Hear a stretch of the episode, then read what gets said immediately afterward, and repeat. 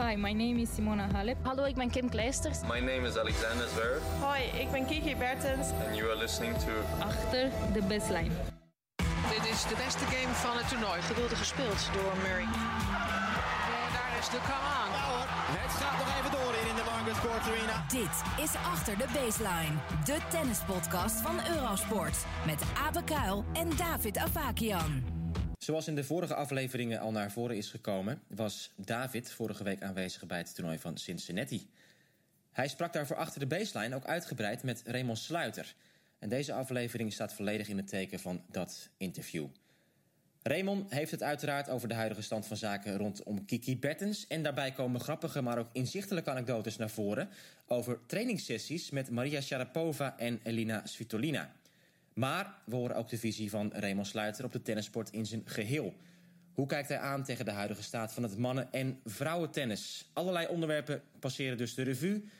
En hier komt dus David in gesprek met Raymond Sluiter vanuit Cincinnati. Raymond, welkom bij Achter de Baseline. We zitten hier in Cincinnati.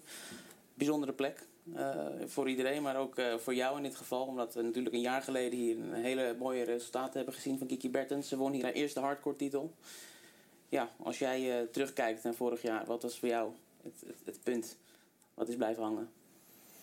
Nou, het punt wat blijven hangen is, is uh, vooral dat het, uh, dat het mooi was om te zien dat, dat Kiki de hardcore demonen die ze de jaren daarvoor eigenlijk een beetje had opgebouwd, dat ze die van zich afschudden.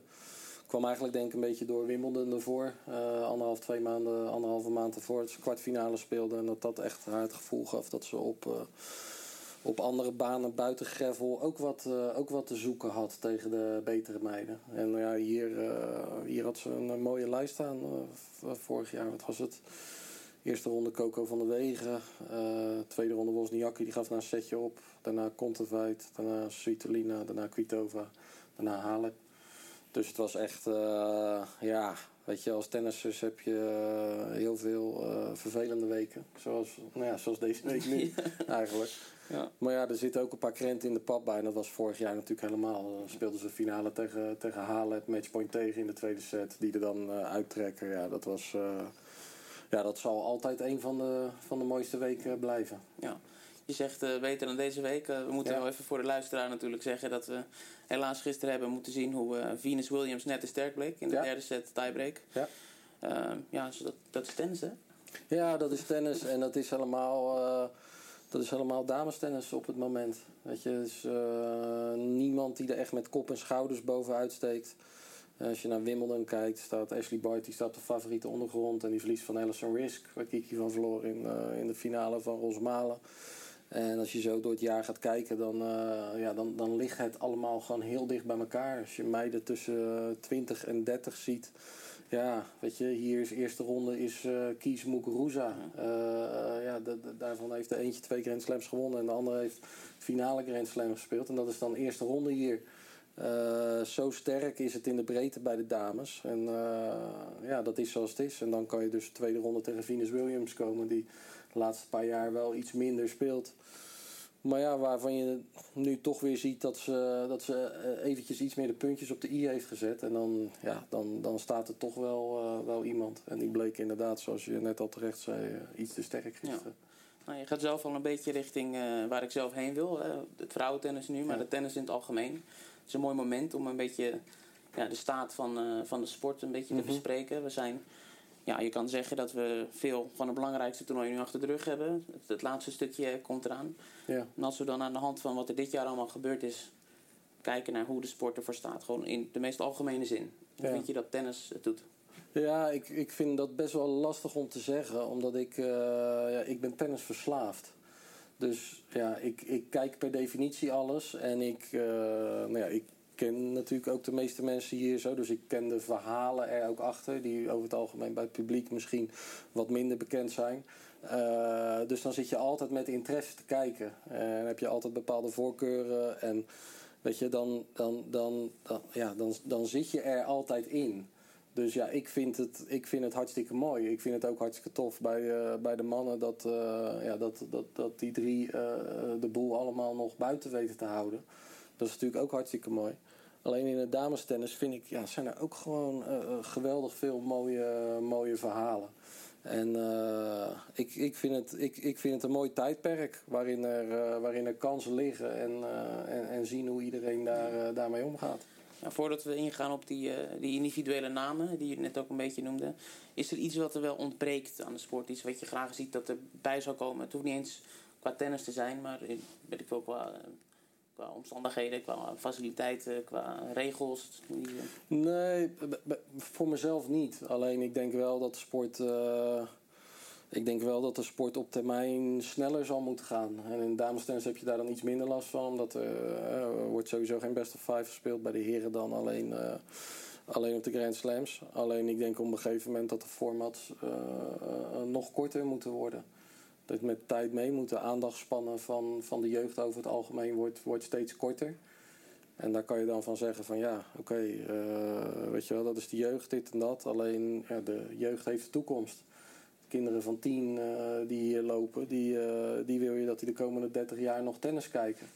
En ja, voor mijn gevoel zit de wereld niet meer zo in elkaar dat je echt drie, vier uur daarvoor gaat zitten. en dan, ja, dan denk ik dat tennis op termijn ook, uh, ook, ook met die tijd mee zal moeten. En het, het, het doet mij pijn, want ik kan rustig vier uur en drieënhalf ja. uur naar een tenniswedstrijd kijken. En de dynamieken daarin bekijken en de momentum switches en wat gebeurt er met wie en wie. En, uh, maar ja, het gaat niet, gaat niet om mij. Het gaat om ja. de aandacht van, uh, van de menigte. En uh, ik denk dat daarin wel, uh, wel veranderingen plaats gaan vinden. De ATP is daar iets, uh, iets agressiever in. Die hebben natuurlijk al met, met die Next Gen Finals hebben ze al echt veel gedaan.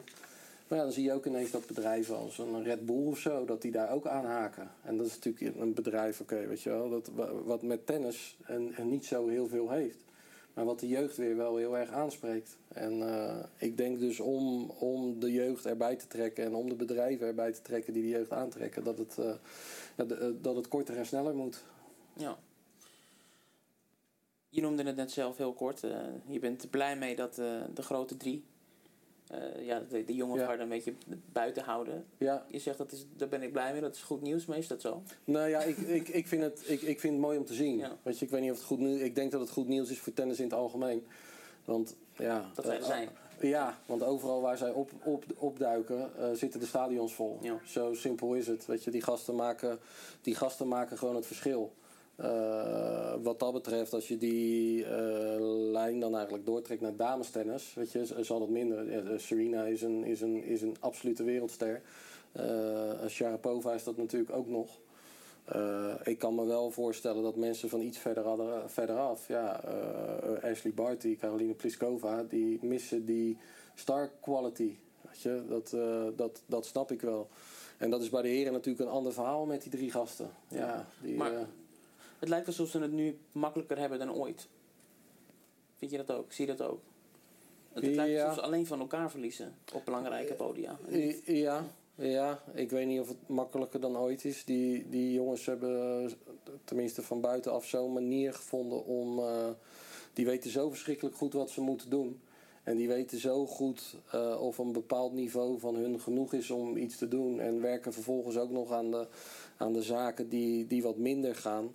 Uh, ja, die zijn eigenlijk met z'n drieën. Ik denk dat je het bijna kan zien als, een, als, als in een marathon. Dat, dat drie gasten de kopgroep pakken. En dan iedere keer af en toe de kop even overnemen. Zodat ze elkaar een beetje uit de wind houden. Ja. Maar op die manier wel steeds verder weglopen van het pak. En ja, ze zitten er dus nog echt nog steeds waanzinnig ver vanaf. En ja, uh, ja zoals, zoals het er nu uitziet, gaat het ook echt nog wel heel eventjes duren. Hoe heb jij naar het einde van Wimbledon gekeken bij die mannen? Met die halve finale Federer en Nadal en daarna de finale? Ja, ik, uh, ik, ik moet zeggen, wat, wat, wat me eigenlijk het meest bijblijft, is, is ineens die tiebreak op uh, 12-12. Weet je, uh, een stukje terug in dit gesprek hadden we het over zaken die, die ik misschien graag zou zien veranderen. Ja, ik zou wel graag hebben dat alle Grand Slams gewoon uh, duidelijkheid uh, verschaffen. Uh, dat ze één, één ja, hebben, ja. ja, wordt nu, weet je, bij de een wordt tiebreak gespeeld op 6-6, bij de ander wordt gewoon doorgespeeld. bij de ander wordt op 12-12, vijfde set wordt tiebreak gespeeld of derde set. En nogmaals, weet je, voor mij oké, maar voor buitenaf is er gewoon heel veel onduidelijkheid. Weet je, dat is een beetje hetzelfde verhaal als uh, met de coaching bij de dames en geen onkort coaching bij de heren. De onkort coaching op de WTA-tour, maar dan weer niet bij de Grand Slams. Ja, dat is voor mensen van buitenaf heel erg, uh, heel erg moeilijk te snappen. Uh, en ik zou daarin gewoon graag meer een, een front als tennis zien. Dat dat, dat dat eigenlijk gewoon gelijk blijft. En dat je, dat je daarbinnen dan misschien rare formats of zo kan, kan verzinnen. Dat zou dan wel tof zijn. Waarom denk je dat dat front er niet komt? En er nooit is geweest eigenlijk? Ik denk omdat er gewoon te veel mensen zijn met eigen belangen. Die eigen belangen ergens in hebben. Ja, ja en die willen, dan niet, die willen dan niet delen. Dat is natuurlijk met alles. Overal waar je hoog komt. Uh, ja, weet je wel. Uh, mijn favoriete voetbalclubje Feyenoord ja, dan hoop je altijd maar uh, dat, dat de mensen die bovenin de organisatie zitten, dat die er in eerste instantie voor de club zitten. Maar iedereen zit toch overal in eerste instantie voor zichzelf. En dat zou dan nog niet zo heel erg zijn, maar als het in tweede, derde en vierde en vijfde instantie ook voor jezelf is. En niet voor de club of voor de sport of voor de tour.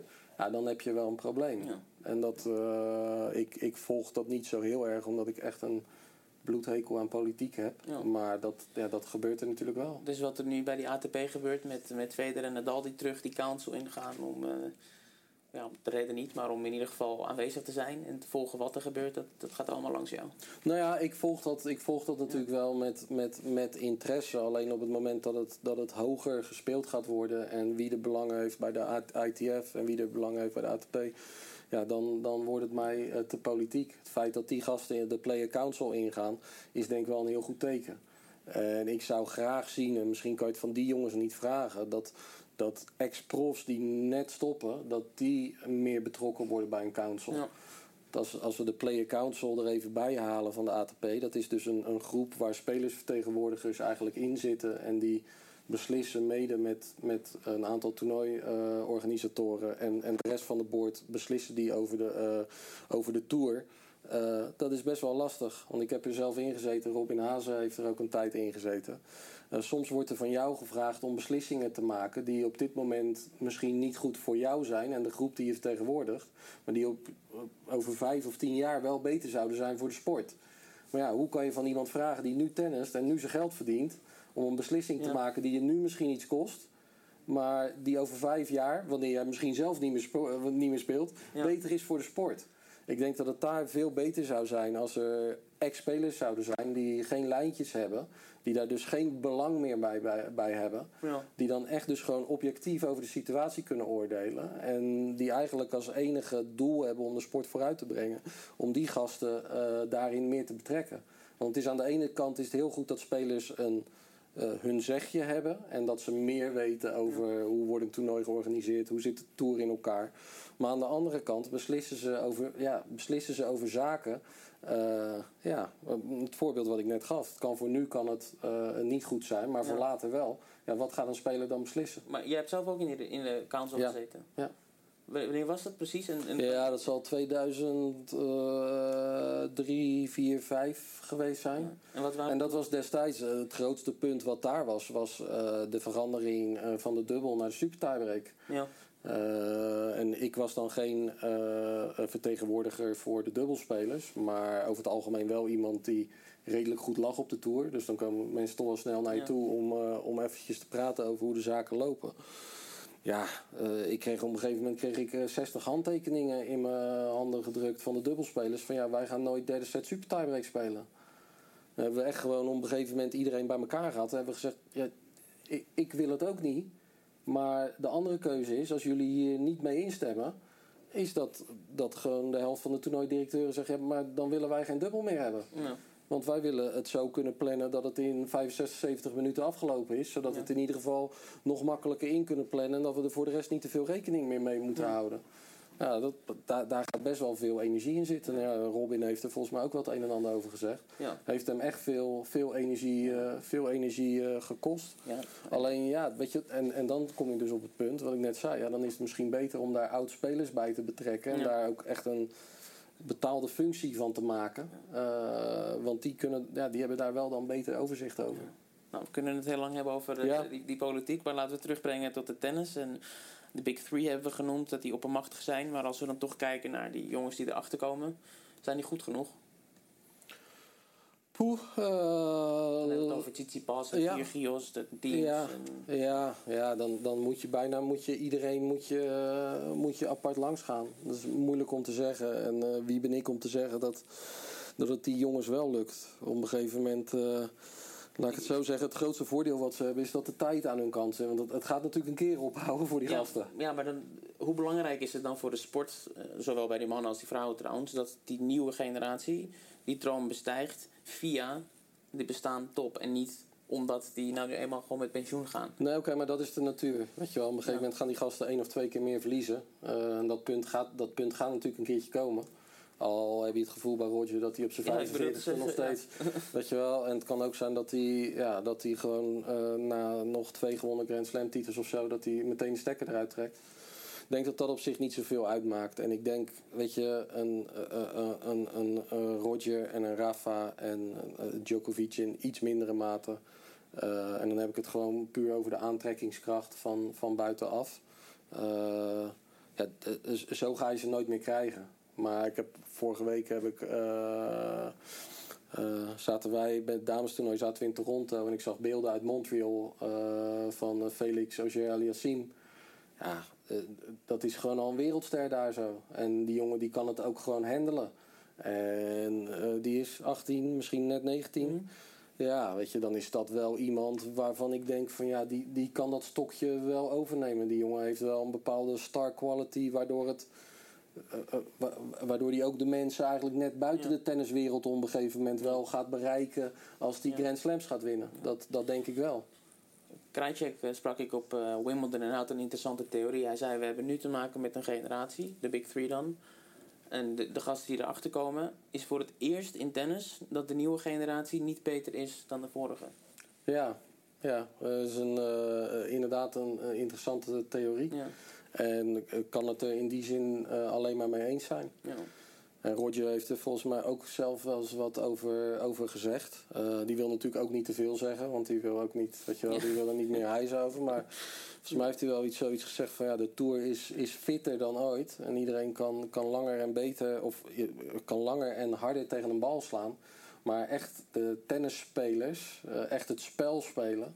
Ja, dat wordt door niet zoveel jongens wordt dat gedaan. Alleen toch zie je aan zo'n uh, Auger Aliassime, je ziet het aan een Tsitsipas. eh, eh, die jongens proberen dat wel.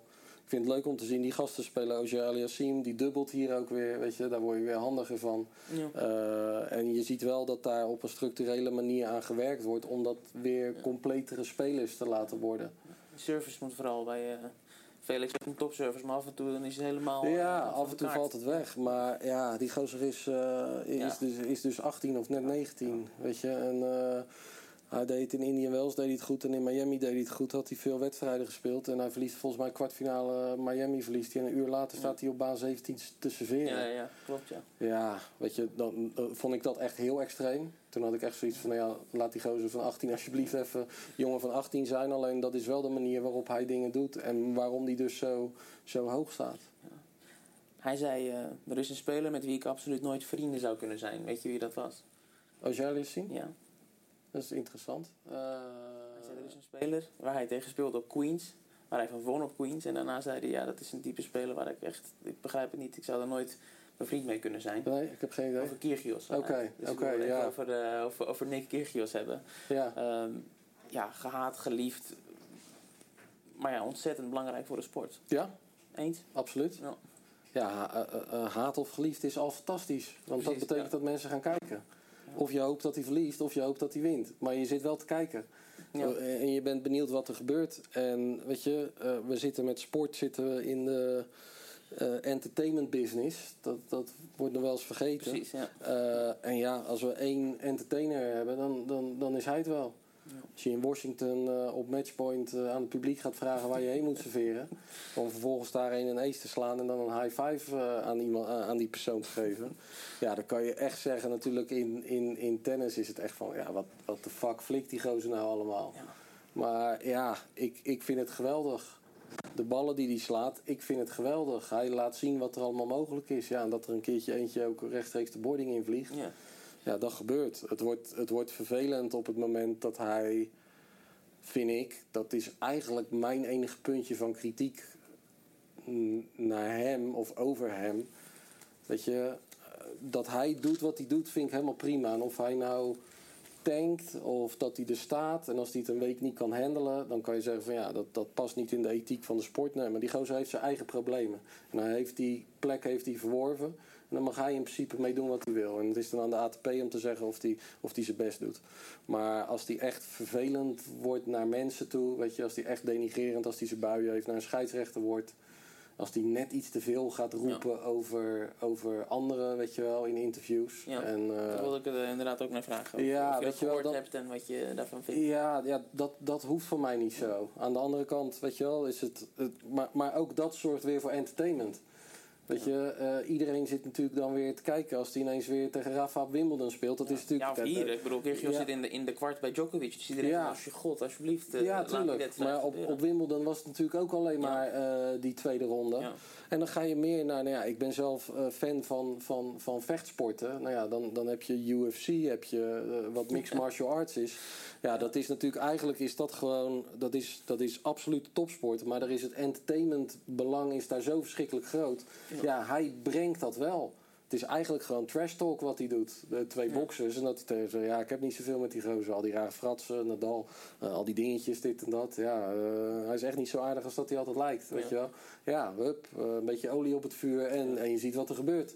En Rafa gaat ineens met vingertjes wijzen en zo, wat hij nog nooit gedaan heeft. Dus er, er, gebeurt, er, er gebeurt wel wat. Maar ja, als hij dat combineert met geweldig tennis, ja, dan, dan, dan, dan wint iedereen. Dat, dat is een waanzinnige tennisser, eh, voor de duidelijkheid. Nee, maar wat die gozer kan, weet je, eh, druk het op YouTube in eh, als je hem nog niet goed genoeg kent. En Nick Kyrgios best shots en je ziet dingen die je gewoon nergens anders ziet. Ja. Ja, goed, de, de, de ATP is, is in dat opzicht in een hele goede plek. Hè? Dat kan je Ja. zeggen met, eh, met Andy Big Three en met, met de Kyrgios en de Tsitsipas die nu ook samen ineens op de baan staan. Terwijl, ze eerst, terwijl hij eerst over Tsitsipas nog zei dat het maar een rare snuiter is. Dat is ook zo'n zo'n ding. Bij de vrouwen is, is de charme van het sport denk ik minder die, eh, ja, die, die, die, die pittigheid, zeg maar. Ja, Maar meer ja. de, de, de onvoorspelbaarheid en het Ja. feit dat iedereen van iedereen kan winnen. Ja. Ehm, maar toch is het, is het toch een onderbelicht in vergelijking met de ATP. Ja, ja, dat geloof ik wel. Maar als we het net hebben over, dat, weet je, wel, over de, de spiciness die, eh die Kyrgios eigenlijk brengt. Maar die Rafa en Roger en, en Djokovic, ondanks de vriendschap die er dan tussen Rafa en Roger is, is het natuurlijk, is die er toch. Ja. Weet je wel, die rivaliteit is er toch. Heb je bij de dames natuurlijk heel heftig gehad met Serena en Sharapova. Ondanks dat Serena op een gegeven moment altijd degene was die won, was dat wel, ja, die, die hadden eens een keertje wat over elkaar gezegd. En dan ging je natuurlijk ook weer kijken. De, eh, wat dat betreft is de damestoer is een stuk rustiger eh, geworden. En, en zal het entertainmentgehalte misschien iets afgenomen zijn. Alleen de sport is in de breedte is het, ja, is het, is het, is het, veel, is het sterker geworden. Ja, ik, ik zeg Eh. altijd, de top 10 was voorheen sterker dan de top 10 van nu. Maar de top 100 van nu is vele malen sterker dan de top 100 van, van vroeger. Dat denk ik wel. En ja, de top 10 van voorheen, dan zou je, dan zou je een top 10 van 10 jaar geleden of zo zou je erbij moeten ja. halen. Eh, aan de andere kant is het natuurlijk wel fascinerend dat, oké, weet je, een Azarenka is moeder geworden, oké, maar Sharapova veel blessures gehad. Ze komen er dus niet zomaar meer doorheen. Is ook zo. Weet je, dus, dus ik, denk, ik denk dat het niet zo. Ik denk wel dat de absolute top van een aantal jaar geleden. Ik heb bijvoorbeeld, en dat is gewoon puur mijn gevoel, want ik zat tien jaar geleden niet op de dames tour. Ik keek wel wat wedstrijden, maar ik, daar kan ik eigenlijk niet over oordelen, weet ik niet genoeg over. Alleen ik heb wel vorig jaar, of, of eh, eind vorig jaar, eh, een balletje geslagen, drie kwartier met Kim Kleisters. Ja, als ik zie hoe die bal er nog afkomt. Ja. Weet je, dan heb ik wel zoiets van: wow, dit, dit zie ik toch niet zoveel op de WTA toe. En dan heb ik wel het gevoel dat als zij eh, er weer alles voor zou doen en echt mega fit zou zijn, dat zij eh, wel weer voor toernooioverwinningen zou, eh, zou kunnen spelen. Dus op basis van die, die toppers, een, een Hene en een Morismo, die zullen ongetwijfeld mee kunnen met de top van nu. Eh, alleen ze waren de, de eerste paar rondes ook niet meer zo makkelijk doorheen gelopen als Ja. dat ze tien jaar geleden, twintig jaar geleden deden. Ehm, nou, een aantal belangrijke namen die toch wel heel veel aandacht eh op eisen zijn. Bijvoorbeeld om te beginnen Osaka. Ja. Die ineens twee Grand Slams op rij wint. Ja. ja, wat, eh, hoe, heb jij daarnaar gekeken en, en, en ja, wat, wat heeft het voor effect op de Tour? Ja, wat voor effect het op de Tour heeft... Want zij is een, een ster die bijna nu al groter is dan de sport. Ja, ja zij is een ster, Ja. weet je. eh, maar maar eh, daar komt natuurlijk ook echt alles bij elkaar, weet je. Ze wint van Serena eh, en dan wordt ze in Australië nummer 1. Oh. De, de volgende... Ze, ze loopt toevallig Nou, ons. nou, dan moeten we een beetje uitkijken met wat we zeggen. Maar de, de volgende Spelen zijn in Tokio. Weet je, de volgende Olympische Spelen over een jaar. Dus ja, weet je, eh, dat, dat plaatje past natuurlijk perfect. Alleen wat zij eh, heel goed heeft laten zien is ook... eh, ja, je, je wint twee Grand Slams en je krijgt de meest geweldige contracten. Je wordt nummer 1 van de wereld. En je zou zeggen dat je on top of the world bent. En ik denk dat ze zich nog nooit ongelukkiger heeft gevoeld dan de afgelopen maanden. Daar is ze ook mee naar buiten gekomen. En ik moet zeggen, dat is, voor mij is dat wel heel verfrissend. En ik denk ook wel voor, weet je, mensen willen natuurlijk graag van buitenaf, willen ze sterren zien. Maar ik denk dat je het ook wel prettig vindt als je zoiets hebt van... hé, hey, fuck, die heeft, die heeft dus wel eens hetzelfde als wat ik thuis ook heb. En ik heb geen zin Ja. om naar mijn werk te gaan omdat de druk zo hoog is. Eh, en zij heeft dat ook. Ondanks dat er, weet ik niet, eh, zoveel geld en alles... en de hele wereld aan je voeten ligt. Dus ik, ik vind de manier waarop zij daarmee omgegaan is... en de openheid vind ik wel vind ik erg goed om, om te zien. Sowieso qua, qua personage en qua de manier waarop zij is. En een beetje, een beetje grappig en anders dan, dan ja, het is bijna een beetje nerdy is het, hè, weet je wel. Eh, volgens mij zit ze ook met regelmaat eh, zit ze, eh, achter de computerspelletjes. Ja, zeker. Dat was denk ik ook wel eh, een- probleempje met de vorige coach. Eh, dus ja, weet je, dat... Ja, eh, de vorige coach die dus haar begeleidde tijdens die twee Grand Slam overwinningen. Een collega van jou en die dan opeens op straat gezet wordt. Ja, een bizar verhaal natuurlijk. Dat zij, zij werkten een jaar samen en zij ging van 64. Zij was natuurlijk wel altijd de afgelopen jaren al iemand waarvan je eigenlijk aan het wachten was dat ze, dat ze door zou breken in een top 20, top 10. Is natuurlijk altijd een megatalent geweest. Alleen ja, wel onder zijn vleugels, of in ieder geval met zijn hulp. Binnen een jaar nummer 1 van de wereld en twee Grand Slams winnen. En dan vervolgens na eh, het tweede Grand Slam meteen zeggen uh, toedeledokie. Ja. Dat is een eh, vrij bizar verhaal. Waar nog niet echt duidelijkheid over is van wat daar precies achter heeft gezeten. Nee, nee. Volgens mij. Nee, Ik weet niet of, eh, nee, ik, heb, nee. ik, ik weet ook niet meer. Eh, zij zei dat, ja, dat ze er niet happy meer mee was. Nou ja, dat is nog steeds de beste reden om, om iets te doen. Maar Het gaat over Sasha Bajin trouwens, voor de duidelijkheid. De naam moeten we even noemen. ja, werkt nu met Christina Mladenovic. Ja. Als we ook nog even het laatste over Osaka.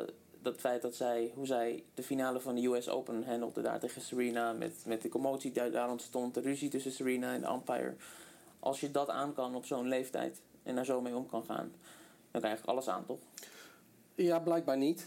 Eh, dat hebben de laatste maanden wel laten zien. In ieder geval niet op dit moment. Eh, het zou wel vertrouwen moeten geven voor haar, eh, het belangrijkste en voor iedereen, dat ze dat, dat, ze dat wel weer gaat kunnen. Want dan, daarvoor moet Ja. je wel waanzinnig sterk in je schoenen staan. Daarbij is het natuurlijk wel zo. Ik vind eigenlijk vond ik Australië vond ik nog knapper. Want natuurlijk was het hectisch daar. Alleen tegen Serena, en dat zie je nu al een aantal keer, zie je dat met die meiden. Eh, Kerber speelt op Wimbledon finale tegen Serena. Alle druk ligt bij Serena vanwege het record en vanwege het feit dat Serena is. Dus voor Kerber is het lekkerder spelen. Osaka heeft op de US Open eigenlijk niks te verliezen eh, tegen Serena. Eh, en de situatie maakt het dan moeilijker. En nu hebben we eigenlijk op Wimbledon hebben we weer hetzelfde gezien Ja. met, eh met Halep. Ze vinden het toch lekker om tegen Serena te spelen. En Serena voelt toch die druk van dat, van dat ene Grand Slam. Ja. Dus eh, die situatie aan zich vond ik fantastisch hoe ze het handelden. Maar dat ze vervolgens eigenlijk nog een Grand Slam daarna wint meteen. Dat vond ik, vond ik eigenlijk nog knapper. Want dat betekent dat je weer door zeven wedstrijden heen moet. Waarin er van jou verwacht wordt dat je, dat, dat je het Ja. weer goed gaat doen. Ja. Ik heb als ik naar haar kijk, en zeker op die momenten dat ze zo ontzettend goed speelt tijdens de US Open of eh, in Australië, soms het gevoel dat ze eigenlijk niet een soort on- onverslaanbaar is op bepaalde momenten in wedstrijden. En Ja. wie dat ook een beetje begint te krijgen is Andreescu.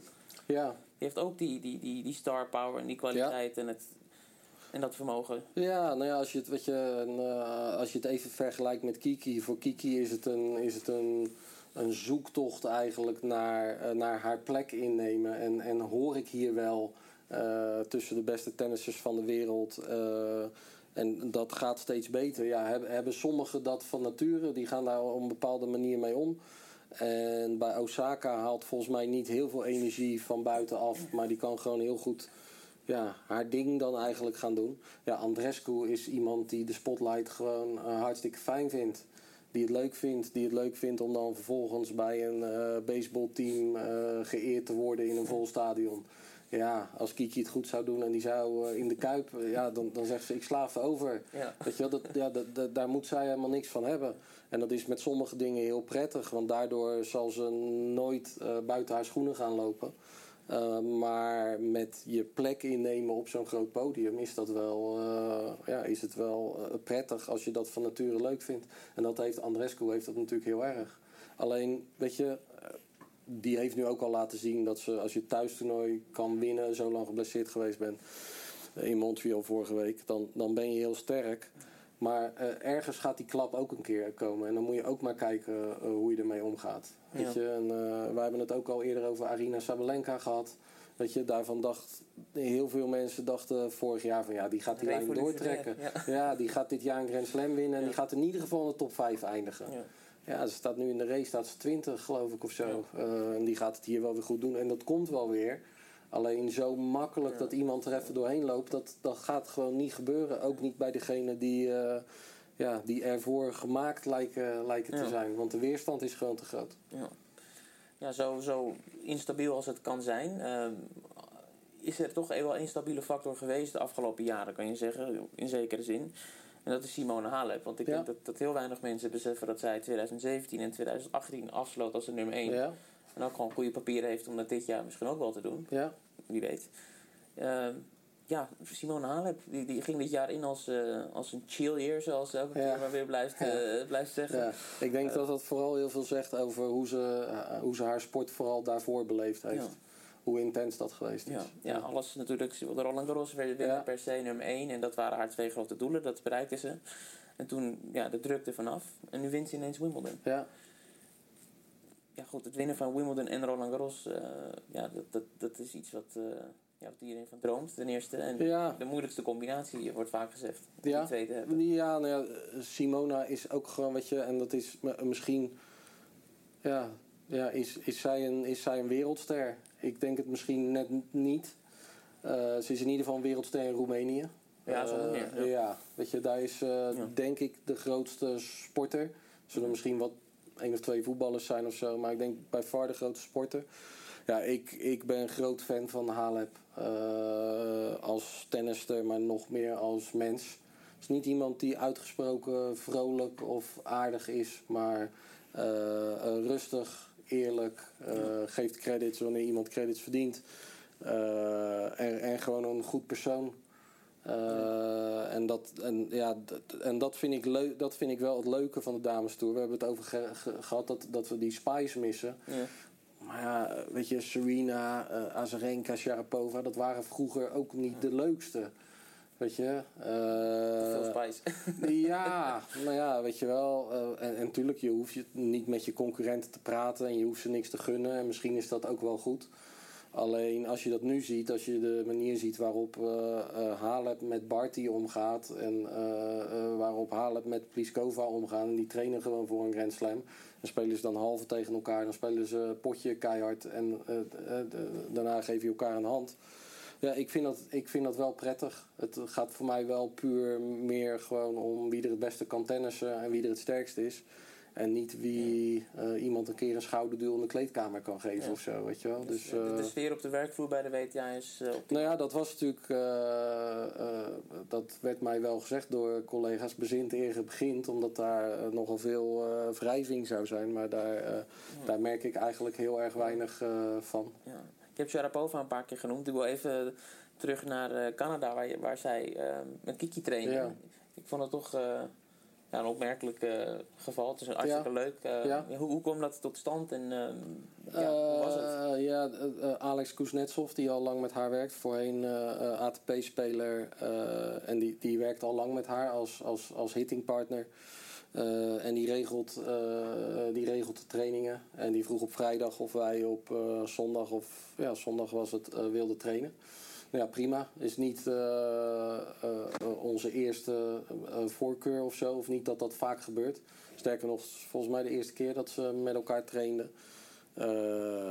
Meestal trek je toch eerder naar Barty toe en naar Gurgus toe. En mensen, uh, Kontavai, Sakari, wij Vekic, die je, die je gewoon wat beter kent. Maar ja, ik, uh, ik vond het sowieso helemaal prima. En waar Kiki twee jaar geleden had gezegd van uh, no way, no way, vind ik veel te eng om daar mee te trainen. Uh, ja, traint ze daar nu gewoon mee en traint ze er ook echt gewoon mee. Ja. Ik kan me herinneren dat ze vorig jaar met Azarenka een keertje speelde, trainde in Miami. Nou ja, dan was het echt nog in dienst van Azarenka. En als ik maar niet te veel ballen mis en dit en dat. Dat is wel tof om te zien. Dan zie je gewoon een jaar later tegen Sharapova, wat toch gewoon een van de grootste namen is dat, dat ze gewoon voor zichzelf staat te trainen. Ja. En dat is wel... Uh... Is er een overleg tijdens die training uh, tussen, tussen haar en Sharapova? Tussen Kiki en Sharapova? Nee, of alles via jullie? Uh... Nee, het begin van de training is dat je eventjes met z'n vieren bespreekt van... Goh, wat willen jullie doen? Willen jullie ja. iets langer slaan? Of willen jullie zo, zo snel mogelijk games spelen? En dan uh, maak je een beslissing. En voor de rest heb je eigenlijk helemaal niks met elkaar te maken. Geef je elkaar een hand ja. na afloop. En, uh, en, en dat is het dan. Ja. Uh, waar je met anderen wel even zit en wel even kletst. ja, is, Er, is er daar gewoon... Ja, er is gewoon minder band. Maar ja, dat betekent niet dat je niet goed met elkaar kan, kan trainen. Want de intensiteit bij Sharapova is zoals het altijd is geweest, denk ik. Nou ja, maar dat is fantastisch. Weet je wel, als je ziet hoe die werkt en hoe professioneel die is. ja ja, kan, je daar, kan je daar niks ja, van zeggen. Ja. Dat is een groot voorbeeld voor iedereen qua werkwijze. Ja. Sloan Stevens heeft overigens gezegd dat, dat Kiki bij by far de beste trainingspartner is op de WTA-tour. Oké, okay. grappig. Ze zegt, uh, ik heb een keer met haar getraind, ja. ik mis geen bal en dat is ongelooflijk. Ik, ik, denk, ja, ik, uh, zij hebben een uurtje gespeeld in uh, Singapore vorig jaar. Toen waren ze daar net bij de WTA-finals. En daar werd inderdaad geen bal gemist. Spelen allebei natuurlijk een klein beetje dezelfde balbaan, ietsje ronder. Ja. Ja, en die bal ging gewoon rustig 150 keer uh, heen en weer. Ja. Ik denk dat veel mensen uh, graag met Kiki spelen, omdat ze, ja, ze is rustig, geen ja. poespas. ze tankt nooit een training. Weet je, wij hebben een keertje met Svitolina getraind en dan was het net hommeles met Gael. Ja. Weet je, ja, ja, dan heb je gewoon echt een klote training. Dan heb je er gewoon echt geen reet aan. Uh, ja, dat kan een keer gebeuren. Weet je wel. Maakt, maakt ook voor de rest ja. niet uit. Nee, maar gewoon zagrijnig erbij staan en niet ja. lopen op ballen en zo. Ja, Kiki traint gewoon altijd met 100% inzet. En speelt hem in die zin een prettige bal om mee te trainen. Dus dan, ja, dan willen op een gegeven moment wel veel mensen met, je, met je trainen. Ja. uh, ja, er zijn een aantal namen waar we niet zo heel erg op in hoeven te zoomen, maar wel noemen. Golf hebben we gezien, natuurlijk, uh, op Wimbledon. Ja, sprookje, denk ik. Nou ja, een fantastisch verhaal natuurlijk. Ja. Uh, de kijkcijfers waren volgens mij... Uh, keken meer mensen naar Coco Gauff dan uh, naar de... Naar de grote drie. Ja, dan naar de grote drie. Ja. Dus dat... Weet je wel, zulke, zulke verhalen heb je wel nodig. En ja. de manier waarop zij met die situatie omging... was fas fascinerend om te zien.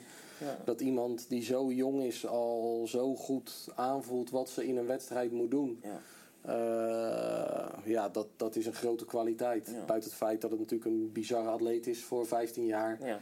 Uh, geweldige slagen.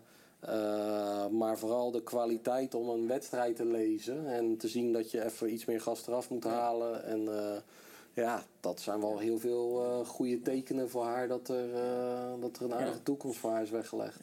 Heel kort, er is een regel op de WTA toe dat zij niet onbeperkt een aantal toernooien mag spelen gezien haar leeftijd. En dat Ja. hebben ze destijds uh, ingevoerd om te voorkomen dat, uh, ja, dat speelsters op jonge leeftijd uh, burn-out of iets dergelijks krijgen. maar er is wel veel, veel weerstand tegen die regel, toch? Om, Ja. om haar toch te laten spelen. Ja. Maar ja, goed, die regel die is ingevoerd op basis van eh, rapporten van allerlei wetenschappers, van Ja. psychologen. Ja. Ehm, dus Ja. Sta jij erachter of, of vind je dat het versoepeld moet worden? Ja, ik heb, ik heb de rapporten niet gezien, maar ik ken de regel eh, wel. Maar als die rapporten op basis van de laatste 20 jaar zijn, eh, eh, zijn, eh, zijn gemaakt. En die cijfers zijn dusdanig duidelijk dat, dat er heel veel jonge spelers eh, en speelsters onder gebukt zijn gegaan. Dan vind ik de regel goed. Alleen ja, weet je, de ene 15-jarige is de andere 15-jarige niet. Ja. Alleen, eh, ik vind er echt wel wat voor te zeggen dat je er eh, behoorlijk mee uit moet kijken. In de tijd van, van social media ook nog Ja. waarin we zitten. Weet je, nu is het allemaal geweldig. En eh, springt iedereen op de, op de coco-trein. Ja. Eh, maar als straks een paar keer verliest, weet je wel, en dan, dan, ja, dan wordt het even andere koek. En om daar misschien wat voorzichtiger mee om te gaan, zou misschien wel goed zijn. Aan de andere kant, uh, weet je, zij zit bij uh, Patrick uh, Muratoglu, tennisschool. Daar, daar werken allemaal goede mensen. hij pakt natuurlijk nogal vaak de spotlight. Ja. En soms heb je een beetje het gevoel van Weet je wel, hij, hij, hij, hij moet er weer even bij zijn. Maar als ik kijk, de mensen die hier allemaal met, uh, met een shirtje of trainingspakje van hem lopen. Uh, en die daar op die academy werken. Het zijn allemaal kundige mensen. Uh, dus hij, hij, de, de, zaken worden daar wel echt heel goed geregeld. en zij heeft dus ook echt hele goede mensen al om zich heen. Ja. En ja, dan zou je misschien bij zo'n regel, zou, je, ja, zou ik misschien eerder aan een commissie denken die uh, in ieder geval, ja. alleen dan ga je het natuurlijk best wel lastig krijgen, want als je dan één keer ja zegt en de anderen willen spelen en kunnen al veel geld verdienen en daar zeg je dan nee tegen dan wordt het ook best wel lastig. Ja, maar goed, als we kijken naar nu, er is best wel een trend. We hebben Benjic gezien die lange tijd eh, op jonge leeftijd geblesseerd was. Konju, die zien we eigenlijk niet meer, die is geblesseerd. Ja. Barty was depressief een jaar eh, op jonge leeftijd. Dus eh, we zien ook nu wel best wel veel gevallen nog van speelsters die op jonge leeftijd het heel moeilijk hebben. Osaka die heeft net gezegd, die kan het niet aan na het winnen. Dus ja, misschien is die regel toch wel terecht. Ja, nou ja, die zal op basis van die dingen zal die terecht zijn, weet je wel. En dan ja, ben ik benieuwd wat ze in dit geval gaan doen. Want aan de andere kant, weet je, zij, zij is wel iemand die, uh, die volle stadions gaat trekken. Straks op de US Open heeft ze een wildcard. Weet je, ja, daar, daar, daar gaat waarschijnlijk in de eerste rondes, buiten Serena, gaat daar de meeste aandacht uh, gaat daar naar uit. Dus het is een fantastisch verhaal. Maar dat daar een beetje voorzichtigheid bij geboden mag zijn dat, uh, dat lijkt me wel uh, duidelijk. Nou, de andere namen, ik uh, schaar het onder kijktips. Misschien ben je het ermee eens, misschien niet. Anisimova, Von Droeseva hebben we gezien. Ja. Viatek, een nieuwe, ja. nieuwe naam die hartstikke leuk is. Jastremska. Ja. Um, Kenin. Er zit best wel wat aan te komen. Ja, absoluut. Weet je, en uh, ja, die zie je. Uh, ik denk dat alle namen die je hier genoemd hebt, al, al een keer van een top 10 speelster, top 5 speelster al gewonnen hebben. Meerdere uh, zelfs al. Ja, en die dus die hebben finale Roland Garros, ja. uh, finale. Ja, dus ja, dan kan de loting nog zo zijn, weet je wel, dat, dat de toppers daarvoor, maar dan nog steeds heb je, heb je gewoon 5, 6 wedstrijden op een Grand Slam gewonnen. Dus ja, die zijn, die zijn in principe al gearriveerd. Ja alleen om top 10 te spelen. Ja. Weet je, dat is toch echt wel weer even andere koek. Weet je, ik merk in Nederland, en niet om het nu naar Kiki te trekken, dat ja, het is dan bijna al normaal en ze verliest dan een paar keer wat sneller. En, maar ja, het, is echt wel, het is echt wel heel speciaal. Weet je, als ik ook kijk uh, bij de heren, hoe. Oké, weet je, en dat is dan misschien allemaal iets spraakmakender. Maar Shapovalov was het natuurlijk op een gegeven moment was het helemaal. Tiafo was het natuurlijk, speelde begin van het jaar Australië goed, was het helemaal gasten staan. 25 denk ik, 30. Ja. is echt nog, is nog een lange weg. En dan, oké, je kan misschien herentennis misschien niet helemaal vergelijken met Kiki. Maar Kiki heeft die weg dus gewoon al, al afgelegd. Dan ben je dus echt al twee of drie stappen verder dan die jongens die met heel veel bombarie eigenlijk uh, beschreven worden. Dus, uh, maar ja, in de damestennis ja, zit het er gewoon wel dichter uh, tegenaan. Omdat je die top, je hebt, je hebt die drie niet die de deur dicht houden. En Halep, daar, ja, daar valt een keertje van te winnen. Als die Wimbledon gewonnen heeft en uh, even de stekker eruit getrokken heeft, ja, dan, ja. ja dan is ze waarschijnlijk in Montreal is, uh, is ze echt wel te kloppen. Party ook, hè? Die heeft Roland Garros gewonnen. Die heeft daarna aangegeven dat ze. Uh, of, nou, Wimbledon heeft ze twee weken volgens mij geen record opgepakt. Heeft nee, ja, ja, ja. Wij begonnen, volgens mij begon jij dit gesprek met. ja, weet je, het, het, het, het seizoen zit er al voor een groot deel op. Maar er komt voor ons echt nog wel een stukje. Het is natuurlijk feitelijk zo. Er zit drie kwart op, maar je krijgt nog het vierde Grand Slam. En daarna krijg je nog een uh, aantal grote toernooien in Azië... die uiteindelijk gaan besluiten wie er in de, in de Masters spelen. Dus uh, ja. ja, er valt nog genoeg om voor te spelen. Dus dan is het ook logisch dat, dat meiden die het zo goed gedaan hebben... en zelfs als je het niet goed gedaan hebt... dat valt er ook nog genoeg voor te zeggen... om, uh, om die stekker er misschien een paar weken uit te trekken. Weet je, en daar komt ja, dan komt Kiki bij mij toch ook weer voorbij. Als ik zie hoe zij dat de laatste anderhalf jaar gedaan heeft. Want zij wil gewoon heel veel spelen. Dat vindt ze prettig. Het is ook moeilijker om je batterij dan weer fysiek en mentaal op te laden. Dat, dat besef ik me ook. Maar als ik dan zie hoe zij het iedere keer, keer op keer weer op die trainingen brengt. Om toch dat niveau qua fitheid maar weer te houden dan vind ik dat echt, eh, echt waanzinnig Ja, knap. ja. Alleen zou dat misschien wel iets zijn waar we voor volgend jaar een keer naar moeten kijken. Dat we minder gaan spelen en eh, misschien weer iets meer eh, gaan trainen. Ja, want dit jaar heeft ze nog een hoop op het programma staan, Kiki. Want Ja. Ik zag bijna alle Chinese toernooien staat ze ingeschreven. ja, ja, ja dat, dat valt of staat natuurlijk toch al een klein Uiteraard, beetje met, die, met die Masters aan het, aan het einde van het jaar. Eh, weet je, en een, en een US Open, het is iedere keer met je schema. Ja, als jij op eh, dinsdag eerste ronde US Open verliest, ben je woensdagochtend thuis. Ja. En speel je anderhalve week niks. Eh, en als je dan de week daarna een toernooi in China zou hebben, kan je in principe twee weken voorbereiden. Ja. Dan kan je gewoon vijf dagen de stekker eruit halen en kan je negen dagen trainen. Ja, op het moment dat je ver komt in de US Open, ja, dan, dan ga je Ja. misschien, zou je misschien niet naar China gaan. Dan wordt het wel, wordt het wel heel pittig. Alleen ja, zij wil zichzelf wel die kansen geven. Dat geeft haar toch iets meer rust als die mogelijkheden er, eh, er zijn. Ja.